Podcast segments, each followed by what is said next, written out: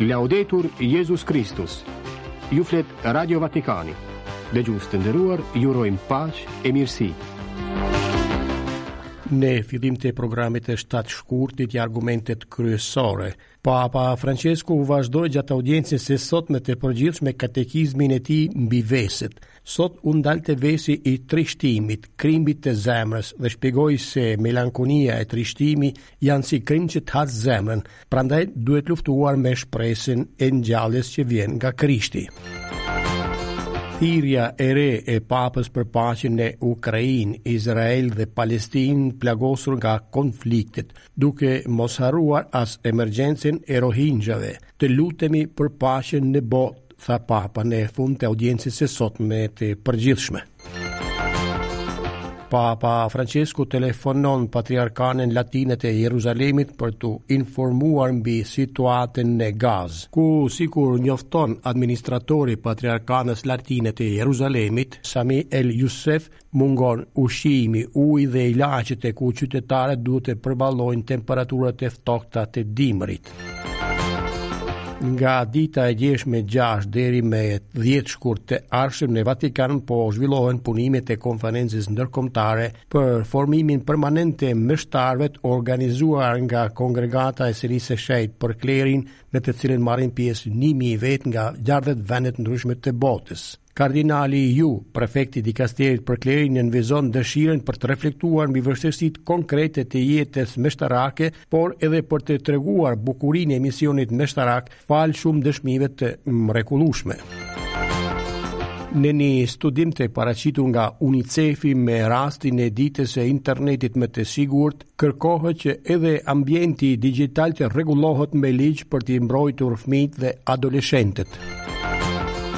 Kalendari kishtar sot më 7 shkurt mes shumë shenjtorësh na propozon nderimin e Shën Rikardit mbret. Një përshëndetje të përzemërt të gjithë dëgjuesve të Radio Vatikanit kudo që ndodhen nga redaksia e gjuhës shqipe. Në mikrofon Klaudia Bumçi, Katerina Nushi, Ana Luka e Dom David Xhuxha.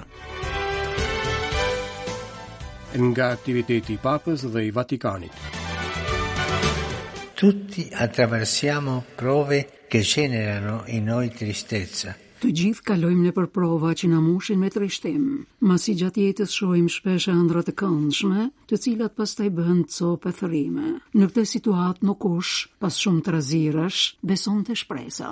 Ndërsa të tjerët pushtohen nga trishtimi që ua gangrenizon zemrën, e ndjejnë kënaqësi nga kjo. Trishtimi është si kënaqësi e moskënaqësisë. Kënaqesh që kjo nuk ndodhi, Aq sa të duket si të kishe në gojë një karamele të hidhur, të hidhur, të hidhur, pa pikën e sheqerit. Trishtimi është kënaqësia e moskënaqësisë. Kështu u shpreh Papa Françesku gjatë audiencës së sotme të përgjithshme, duke folur për një ves shqetësues, trishtimin, kuptuar si ligështim i shpirtit e mundim i vazhdueshëm që ta rrëmben çdo gëzim. E kjo është edhe tema së cilës Papa Françesku i kushtoi katekizmin e sotëm, mbajtur në sallën Pali i duke vazhduar ciklin e katekizmit kushtuar veseve dhe virtyteve. Deri kur në zemrën time do të dynen gjithë ditën e lume mendimet e trishtuara, po unë besoj në besnikërinë tënde, do të hovë nga gëzimi zemra ime për shpëtimin tënd, e do t'i këndoj Zotit që më shpëtoi. Por menjëherë pas kësaj brohorie që lartohet drejt qiellit, duhet të bësh dallim ndërmjet dy llojeve të trishtimit. Atij që niset nga udha e pendesës së të krishterit, e që hiri i Zotit e shndërron në gëzim, e atij që vjen nga i ligu, e të flak në humnerën e dëshpërimit. Pikërisht ky trishtim duhet luftuar, kujtoi Papa. C'è dunque una tristezza amica che ci porta alla salvezza. Është pra trishtim miqësor, i cili na çon drejt shëlbimit. Të mendojmë për djalin plangprishës të shëmbëlltyrës, kur prek fundin e përdhosjes, pushtohet nga hidhërimi, gjë që e shtyn të hyjë brenda vetes dhe të vendosë të kthehet në shtëpinë e atit. Është hir të rënkosh për mëkatet e tua, të kujtohesh për gjendjen e faljes, të cilën e humbëm, të vajtosh sepse ke humbur pastërtinë me të cilën na ëndërroi Zoti. Lloji i dytë i trishtimit është sëmundje e shpirtit, kujtoi Papa Françesku, që më pas shpjegoi se ajo lidhet me përvojën e humbjes, e cila lind në zemër nga zbehja e një dëshire, e një ëndrre, e një shprese. E kujtoi sakaq episodin e dishepujve të Emausit që ecin drejt Jerusalemit me zemër të thyer, e vërejti. Quando questo capita è come se il cuore dell'uomo cadesse in un precipizio. Kur ndodh kjo, është si të binte zemra e burrit në greminë. E ndjenjat që provon janë çkurajimi, ligështia shpirtërore, depresioni, ankthi. Ne të gjithë kalojmë prova që na ngjallin trishtim, sepse jeta na bën të shohim ëndrra të cilat më pas avullohen. Në këtë situatë dikush, pas një kohe trazirash, mbështetet te shpresa, Po të tjerë zhyten trishtim të thellë, që ua gangrenizon zemrën. Papa Francesku e quan këtë lloj trishtimi kënaqësia e mospëlqimit. Është një lloj si të jesh i lumtur që kjo nuk ndodhi. Është si të marrësh një karamele të hidhur, të hidhur, të hidhur e pa sheqer, të shëmtuar dhe ta lëpish. E më pas jep disa shembuj. Disa morte të stërzgjatura, vëren, ashtu si edhe disa hidhërime inatçore, që e shtyn njeriun të jetojë vazhdimisht në një gjendje shpirtërore hakmarrje ose viktimizimi, gjë që nuk krijon jetë të shëndetshme, aq më pak të krishterë. Nga emocioni i natyrshëm, kujtoi, lind më pas trishtimi që bëhet ligësi. Është demon mashtrues ai i trishtimit, pohoi Papa, që e përfundoi katekizmin me një porosi duke folur lirisht jashtë tekstit. Dobbiamo stare attenti a questa. Duhet të ruhemi nga ky trishtim dhe të mendojmë se Jezusi na sjell gëzimin e ringjalljes. Po çfarë duhet të bëjmë kur jemi të trishtuar? Ndaloni dhe mendoni. A është ky trishtim i mirë apo i keq? Dhe reagoni sipas natyrës së trishtimit. Mos harroni se trishtimi mund të jetë gjë shumë e keqe, që na çon pesimizëm, na çon egoizëm, i cili vështirë të shërohet.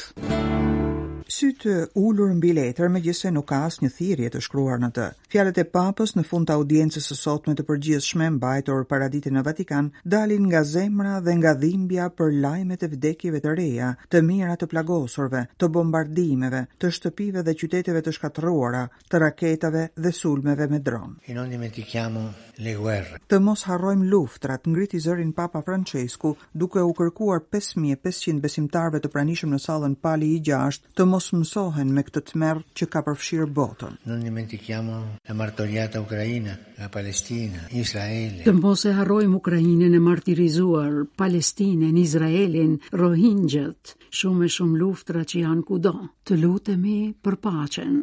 Ati i shenjtë përsëriti frazën që është kthyer në aksiomë në çdo takim publik. Lufta është gjithmonë disfatë, gjithmonë, theksoi edhe sot, duke kërkuar sidomos lutje. Është veprimi i parë konkret për çdo të krishterë. Preghiamo per la pace. Ci vuole la pace. Të lutemi për paqen. Na duhet paqja.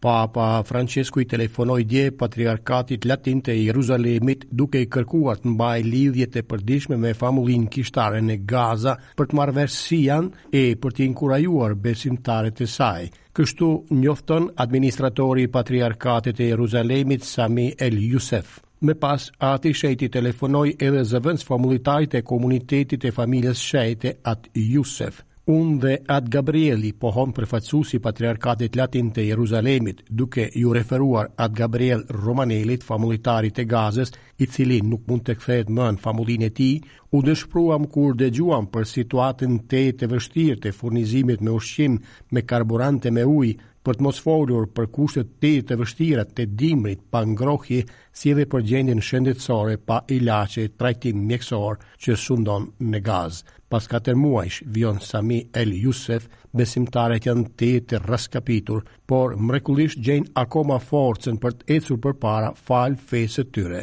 Zoti i ruajtë. Ne sigurojmë lutjet tona për armëpushimin e menjëhershëm. Kujtojmë se edhe Papa Françesku lutet vazhdimisht për Tokën e Shenjtë, duke e përmendur pothuajse në të gjitha takimet e tij publike. Ati i Shenjtë Bergolio i telefonon gati përditë famullitarit të Gazës atë Gabriel Romanelit e sidomos zëvendësfamullitarit atë Jusef Asad, i cili ndodhet aktualisht në Gazë e mund të japë informacione të dorës së parë mbi gjendjen në vend. Nga data gjashtë deri më dhjetë shkurt mbahet në Vatikan konferenca për formimin e vazhdueshëm të meshtarëve, ku marrin pjesë rreth 1000 vetë nga 60 vende. Ringjalle dhuratën e Zotit që është në ty. Kjo është tema e konferencës ndërkombëtare për formimin e vazhdueshëm të meshtarëve, e cila filloi të martën më 6 shkurt në Vatikan dhe do të përfundojë më datën 10 shkurt. Nisma organizohet nga Dikasteri për Klerin në bashkëpunim me Dikasterin për Ungjëllëzimin dhe me Dikasterin për Kishat Lindore. Objektivi është të fillojë një proces i përbashkët me të gjitha kishat lokale për të përforcuar shoqërimin e meshtarëve.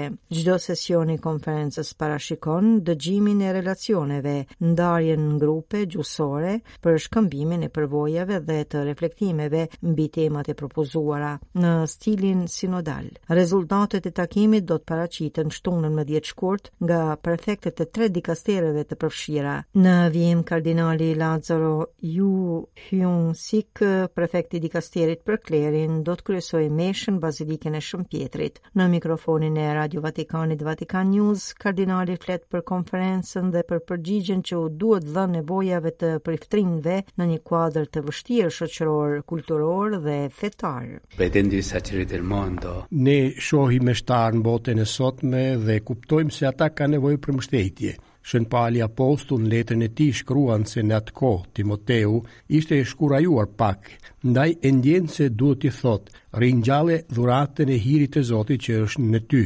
Sepse bukuria e të qenit dishepujt të Jezusit sot nuk vjen papritur, por kërkon gjithmonë një lloj zhvillimi, edukimi, formimi të gjithanshëm, komunitar dhe misionar. E meshtarët kanë nevojë vazhdimisht për formim dhe shoqërim, në mënyrë që të jetojnë gjithmonë të gëzuar dhe të lumtur. Këtë duam ne.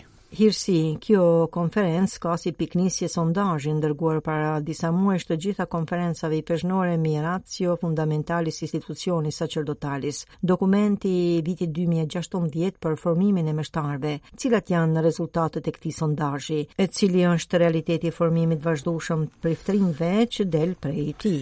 Sono arrivati circa 800 risposte. Na mbërritën rreth tetëqind përgjigje nga e gjithë bota. Përmes tyre mund të shohim bukurinë, praktikat e mira, dëshmitë e mira që ekzistojnë, por edhe gjithçka tjetër që mungon. Nevojitet pra një formim më i mirë, prandaj ky është hap shumë i rëndësishëm për ne dhe për dikasteret tona që së bashku me këshilltarët dhe ekspertët po punojnë konkretisht për këtë. Në program ka shumë praktikat e mira, dëshmi të mrekullueshme, të cilat janë shumë të dobishme. Më pas përurojmë edhe një faqe internetit e dikasterit të Vatikanit për klerin për të realizuar kështu një rrjet botëror në mënyrë që ta ndihmojmë njëri tjetrin dhe të ecim përpara së bashku. Vrej se shumë meshtarë ankohen për vetminë, sepse bota e sotme është shumë e shekullarizuar. Në këtë kuadër kemi nevojë të kujdesemi për njëri tjetrin, të moshuar dhe të rinj. duke u bërë dhuratë e ndërsjelltë. Hirësi, të enjten, më 8 shkurt do të takoni Papën Françesku në një audiencë private. Mund të na shpjegoni si është strukturuar konferenca dhe sa meshtarë marrin pjesë? Circa noi aspettiamo 1000 partecipanti. Kemi rreth 1000 pjesëmarrës nga më se 60 vende. Sigurisht shumica janë meshtarë, por edhe laikë, përfshirë gratë, të cilat na ndihmojnë në formimin dhe në shoqërimin e meshtarëvet. Papa është gjithmonë udhërrëfyesi ynë dhe do të na japë një mesazh të fuqishëm për të ecur përpara, mesazh që duhet vënë në jetë, mesazh që duhet mishruar në punën dhe jetën e përditshme. Përmes kësaj konference shpresoj të kuptojmë se ku jemi, cilën rrugë të marrim, cilën kishë, Ç'lloj meshtarësh, ç'lloj formimi duhet të realizojmë e me këtë frymë të ecim përpara. Meshtarët duhet të sjellin gëzim në botë dhe kështu kisha bëhet gjithnjë e më e lumtur, më e guximshme dhe ecën përpara me dëshminë e saj konkrete. Papa Françesku u dërgoi një video mesazh pjesëmarrësve të ceremonisë së dhënies së çmimit Zayed për Vëllazërimin Njerëzor dy mijë e njëzet e katër që u mbajt në Abu Dhabi, kryeqytet i Emirateve të Bashkuara Arabe. Çmimi i sivjetëm shënon pesëvjetorin e dokumentit mbi vëllazërimin njerëzor për paqen botërore dhe bashkëjetesën, të cilin Ati i Shenjtë e nënshkroi në vitin dy mijë e nëntëmbëdhjetë së bashku me Imamin e Madh të Al-Azharit, Ahmed Al-Tayeb. Në video-mesazh, Papa vlerëson katër fituesit që impenjohen për të promovuar solidaritetin, në favor të zhvillimit të njerëzimit. Kujtojmë se çmimi Zayed dy mijë e njëzet e katër u fitua nga motër Nelly Leon Correa, murgesh kiliane që punon me gratë e burgosura, nga Sir Magdi Yacoub, kardiokirurg egjiptian, si edhe nga dy organizata të mëdha bamirëse islamike indoneziane, Nahdlatul Ulama dhe Muhammadiyah. I falënderoj, thotë Papa Françesku, duke besuar se shembulli i tyre do të inkurajojë edhe të tjerë të ndërmarrin nisma që rrjedhin nga bashkëpunimi i frytshëm ndërmjet njerëzve me fe të ndryshme, të cilat i shërbejnë gjithë familjes sonë njerëzore, respektojnë dinjitetin e secilit dhe promovojnë vlerat e propozuara nga dokumenti për vëllazërimin njerëzor. Ati i Shenjtë i fton të gjithë të shkëmbejnë ndjenja vëllazërimi me njëri-tjetrin dhe të nxisin një kulturë paqeje që inkurajon dialogun, dhembshurinë, solidaritetin, zhvillimin e qëndrueshëm dhe gjithëpërfshirjen. Papa e përfundon videomesazhin duke shprehur dëshirën për mirëkuptim të ndërsjellë gjithnjë e më të madh ndërmjet njerëzve dhe popujve. Pa mbrojtjen e duhur, interneti mund të jetë i rrezikshëm për fëmijët. Me datën gjashtë shkurt u kremtua në mbarë botën Dita e Internetit më të Sigurt dhe me këtë rast Organizata Ndërkombëtare për Mbrojtjen e Fëmijëve, UNICEF, bën të ditur rezultatet e një studimi me temë, Ekspozimi i fëmijëve dhe i adoleshentëve ndaj mesazheve të urrejtjes dhe pamjeve të dhunshme në Internet. Studimi bazohet në analizimin e tridhjetë e një mijë e shtatëqind e nëntëdhjetë fëmijëve dhe adoleshentëve të moshës dymbëdhjetë deri në gjashtëmbëdhjetë vjeç nga tridhjetë e gjashtë vende të ndryshme ndërmjet viteve dy mijë e gjashtëmbëdhjetë e dy mijë e njëzet e një. Ekspozimi ndaj mesazheve të urrejtjes ndryshon varësi të vendit, nga tetë për qind deri në pesëdhjetë e tetë për qind, është më pak i përhapur në Indonezi dhe Vietnam, tetë për qind, dhe më shumë në Poloni, pesëdhjetë e tetë për qind. Të dhënat në lidhje me ekspozimin ndaj pamjeve të dhunshme në internet janë të ngjashme. Përqindja është ndërmjet pesëmbëdhjetë për qind në Indonezi dhe pesëdhjetë e pesë për qind në Poloni. Ambienti digjital, vë në dukje UNICEF-i, në pjesën më të madhe të tij nuk rregullohet me ligj, prandaj mund t'i ekspozojë fëmijët dhe adoleshentët ndaj përmbajtjeve të papërshtatshme ose potencialisht të dëmshme. Pothuajse në gjitha vendet, fëmijët më të rritur janë ata që kanë sinjalizuar më shumë ekspozime ndaj mesazheve të urrejtjes dhe pamjeve të dhunshme në internet, sepse adoleshentët e përdorin internetin më shpesh dhe në mënyra nga më të ndryshmet, duke rritur mundësinë për t'i hasur këto mesazhe. Natyrisht, mundësia më e madhe për t'u lidhur në internet shoqërohet me rrezikun më të lartë të gjetjes së këtyre mesazheve me përmbajtje të dëmshme, por kjo mund të ndodhë edhe në vendet me rrjet të përhapur. Është e rëndësishme, nënvizon UNICEF-i, të investohet në mbrojtjen në internet që në fazën fillestare të transformimit digjital të një vendi. UNICEF-i thekson nevojën për të zhvilluar sisteme, politika dhe rregullore të mbrojtjes në internet njëkohësisht me përhapjen e tij. Disa vende me internet të përhapur kanë arritur ta mbajnë të ulët ekspozimin ndaj mesazheve të urrejtjes dhe pamjeve të dhunshme të rrjetit, shpjegon raporti. Një shqyrtim i mëtejshëm i politikave dhe i praktikave të këtyre vendeve ose i platformave që ata përdorin më shumë mund të nxjerrë në pah zgjidhje politike ose legjislative për mbrojtjen, për t'u marrë si shembull. Këtu mund të përfshihen ligjet mbi përmbajtjen me urrejtje dhe dhunë në internet ose praktikat e moderimit të përmbajtjes, të cilat shpesh ndryshojnë sipas platformës a gjuhës. Statistikat tregojnë se përhapja e urrejtjes dhe e dhunës në internet është çështje globale që prek fëmijët dhe të rinjtë në mbarë botën. Sot 7 shkurt, kalendari kishtar përkujton Shën Rikardin Mbret. Rikardi jetoi në shekullin e 8 dhe ishte babai i tre shenjtorëve të rëndësishëm, Vilibaldo, Vunibaldo dhe Valburgës. Jeta e tij u karakterizua nga lutja intensive dhe nderimi ndaj familjes së shenjtë dhe shenjtorëve të tjerë. Në fakt, së bashku me bijtë e tij, ai shtegtoi në Romë me shpresën për të gjetur reliket e shenjtorëve Pjetër dhe Pal. Rikardi vdiq në Luka të Italisë dhe u varros në bazilikën e Shën Fredianit. Këtu të dashur dëgjues përfundon edhe programi ynë për sot. Ju falenderojmë për vëmendjen e mirudëgjofshim nesër. Laudetur Jezus Kristus.